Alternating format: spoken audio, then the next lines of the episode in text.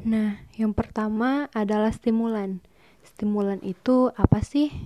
Jadi, stimulan adalah dampak dari penggunaan narkoba berlebihan yang bersifat menstimulasi sistem saraf simpatik dalam tubuh, seperti tidak merasakan lapar sama sekali, menurunkan kebutuhan tidur, dan lain-lain. Contohnya itu pada pemakaian nikotin atau rokok dan kafein.